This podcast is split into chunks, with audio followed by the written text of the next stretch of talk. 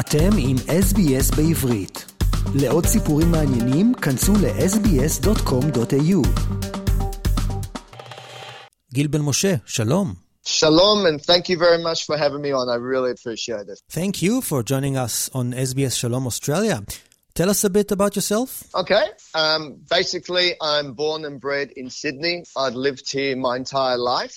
Um, I've been involved in film for probably about the last 25 years. I started off acting, um, the very age. I went to Israel for one year in 92, stayed there for a year, worked in a lot, came back to Sydney, Australia, and decided act, acting and film is what I wanted to do. I found myself an agent, and I've been acting since 1995 up until present. But then about 12 years ago, I started my own production company called Money Shot Productions, and I've been working in film ever since. And that's my love and my passion.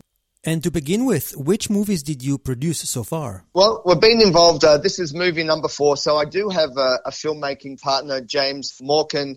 Um, he's an established novelist, writer, scriptwriter, and he actually made his directorial debut working on Anno 2020.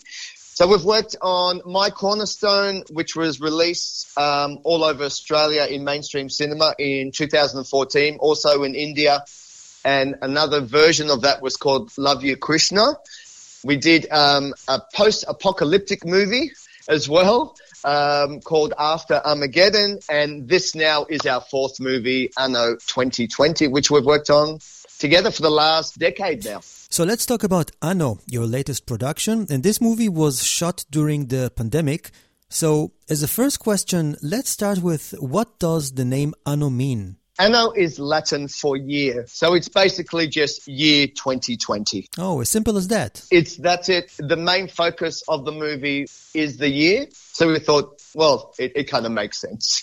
Okay, and where did the idea come from? Well, we were actually meant to start filming a, a movie in, 20, in 2020. It was actually going to be the first week of April, and that's pretty much when the lockdowns began. And we were absolutely devastated. We were gutted. And, you know, everything was ready to go. We were literally a week away from, from shooting a movie. And, you know, they're very hard to come by. As you know, I mean, it, it's very difficult to make movies and to organize everything and to make it all happen.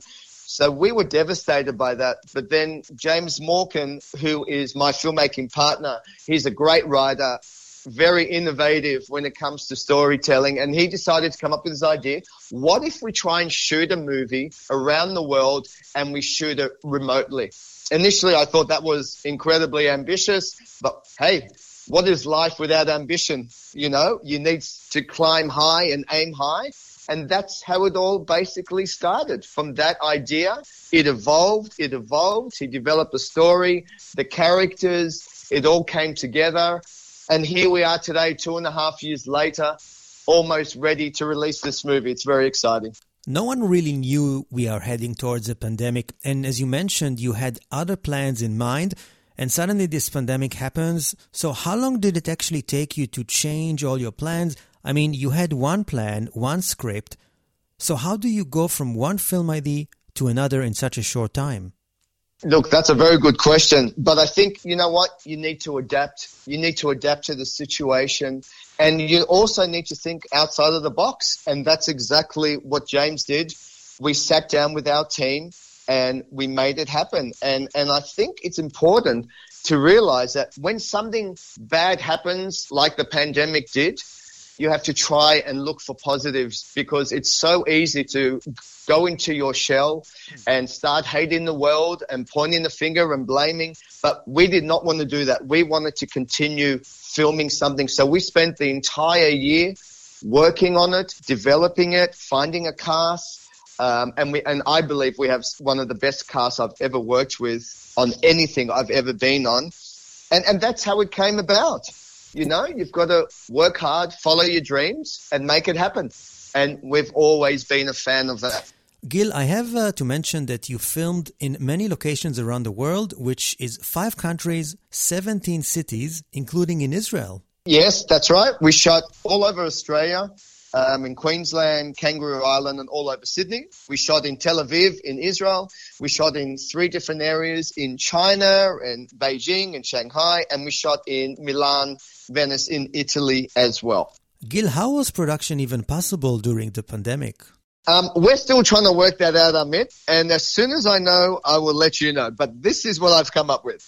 No, we, we had to use uh, advanced cutting edge technology, you know. Um, let's think about it. How was everyone communicating during 2020? It was all remotely via Zoom and FaceTime and, and video conferencing. So, so we use revolutionary filmmaking techniques which have never been done before. We, mm. we employed over eight to 10 film crews worldwide and basically we watched every single scene through Zoom, and that's how we directed the actors and how we we we, we organized the production and the design, wow. and and that's how it came about because that was our only option. Mm. So we we actually we actually got a phone which we we we connected onto the camera.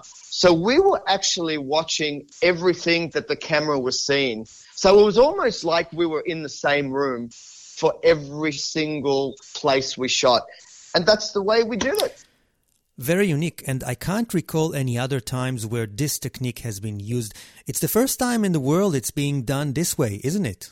It's yes, you're right. It's it's never been done before, and you know what? Who would ever think for a for a director of a movie to be in a different country while you're shooting a scene? It, it's unheard of. It's ridiculous. It's outlandish. It's unheard of.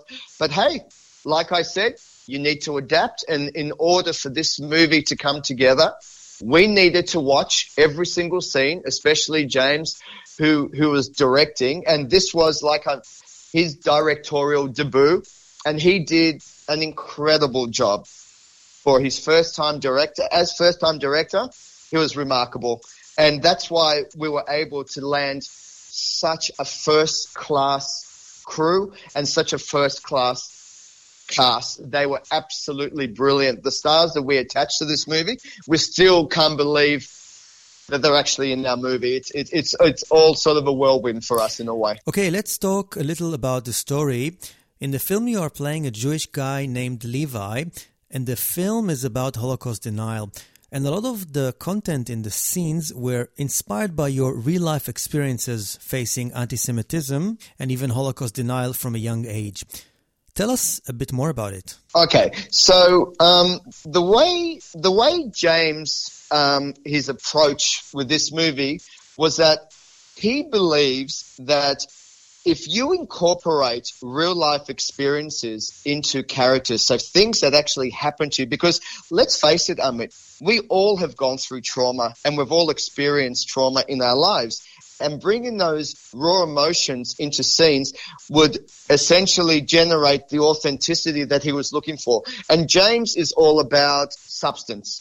He always was honing in on substance. He wants substance from his actors and from his characters. So James decided that improvising scenes would bring that realism into the acting he was looking for and, and really work. Now, as for my character, Levi, um, I, I, I grew up um, as the only Jewish family living in the Sydney suburb, and I'm not going to lie to you, Amit. It was it was very difficult. You know, we were traumatized for being Jewish, and the anti-Semitism that we experienced. You know, they broke into our house, they stole our car three times, they set fire to it, they threw bricks through our windows at three in the morning. Um, we had phone threat, death threats at 4 a.m. And that's, that was my childhood growing up. And I just felt as though, like, the entire movie isn't just about anti-Semitism and racism, but that's part of my plot. Because this movie is actually a, a, a vignette. So it's, it's, it's basically um, multiple plots which are all happening simultaneously. And one of my plots is my father's legacy. And, and, and that's how I think uh, I decided I really gave a lot of my life in this, in this movie. And in this movie as well, which is pretty special, um, it is I've got images of my family, my parents I've got photos of them to make it real. My mother, where I grew up in that house where we were traumatized. So there's a lot of realism in this movie. Between now and then, do you think that anything has changed when it comes to anti-Semitism? Nothing's changed. You know, I'm I'm 49 years old now. I was living in that place. I think I moved in there when I was six or seven. We lived there for around 20, 25 years, and nothing has changed. It's it's almost 1934 again. But but but then uh, let me ask you this: I mean, when do we, as Jews, we draw the line? When do we tell the world that this is no longer accepted? I mean, everyone has their breaking points, you know. And look, I don't want to compare it, but look what happened in the US with the whole Black Lives Matter movement. You know, they had enough of their treatment, and and I've always been under the impression that you people will treat you the way you let them treat you. And when it comes to anti-Semitic comments, it's never really taken seriously. No one pulls you up on it. It's it's almost seen as being frivolous comments, and to me, that's almost the epitome of double standards. What was the connection in the movie for you to include debunking Holocaust denials? Right. Well, look, um, my filmmaking partner James Morcan, he actually wrote a book which was released debunking Holocaust denials. So he understands a lot about Jewish people. During his research, he interviewed a lot of Holocaust uh, survivors and he really got a real understanding about what they've gone through and what they've been through and, and the traumas that we go through and the challenges every single day of our lives just being Jewish. That in itself is is is um is a, a mountain to climb and and he funny enough he's an actor as well who's worked in movies with um, peter jackson and lord of the rings and russell crowe's and he played the anti-semite in the movie.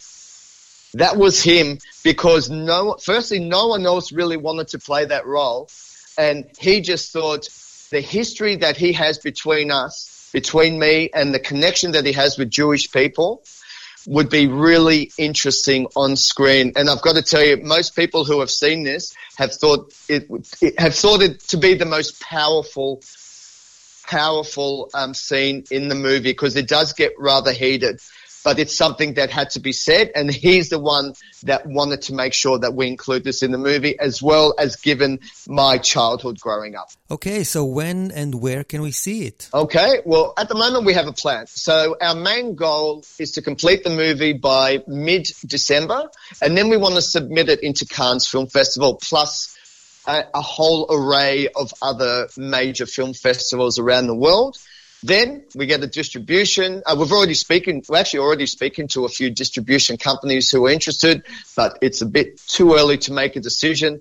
Then we hope for a theatrical release globally and then have it end up on some streaming service like Netflix or Amazon or Stan or something along those lines. So that's the plan, Amit. That is the plan. Nice. Quick question to finish off. What do you prefer better, directing or acting? Um, a combination. Like predominantly, I love acting, and uh, I've acted with my, my, identical twin brother Oren. By the way, he also plays a great role in this, and he did some incredible things for this movie. Um, but I, I love to act, but I also enjoy directing and producing as well. And and just to mention Oren as well, I live with him, so I have to say good things about him, Amit. Otherwise, he won't cook for me. That's not true. I do all the cooking, but um, he he he had to coordinate. If you if you can think, four different countries, five different countries, the timings of shoots, the production, the effort that he put in to coordinate was remarkable, and I, I can't thank him enough for the work that he did. We started shoots at 3 a.m. and 4 a.m. Amit started our shoots from 4 a.m. and 3 a.m. and worked wow for like 12 hours. So it was pretty remarkable. So I'm very thankful to Oren for the hard work that he did on this movie as well. Gil Ben Moshe, a film producer from Sydney, talking about his new film Anno 2020. Thank you so much for your time today. I thank you very, very much, Amit. I appreciate you having me on the show. I'm absolutely honored to be on this show. So thank you. עקבו אחרינו והפיצו אותנו דרך דף הפייסבוק שלנו.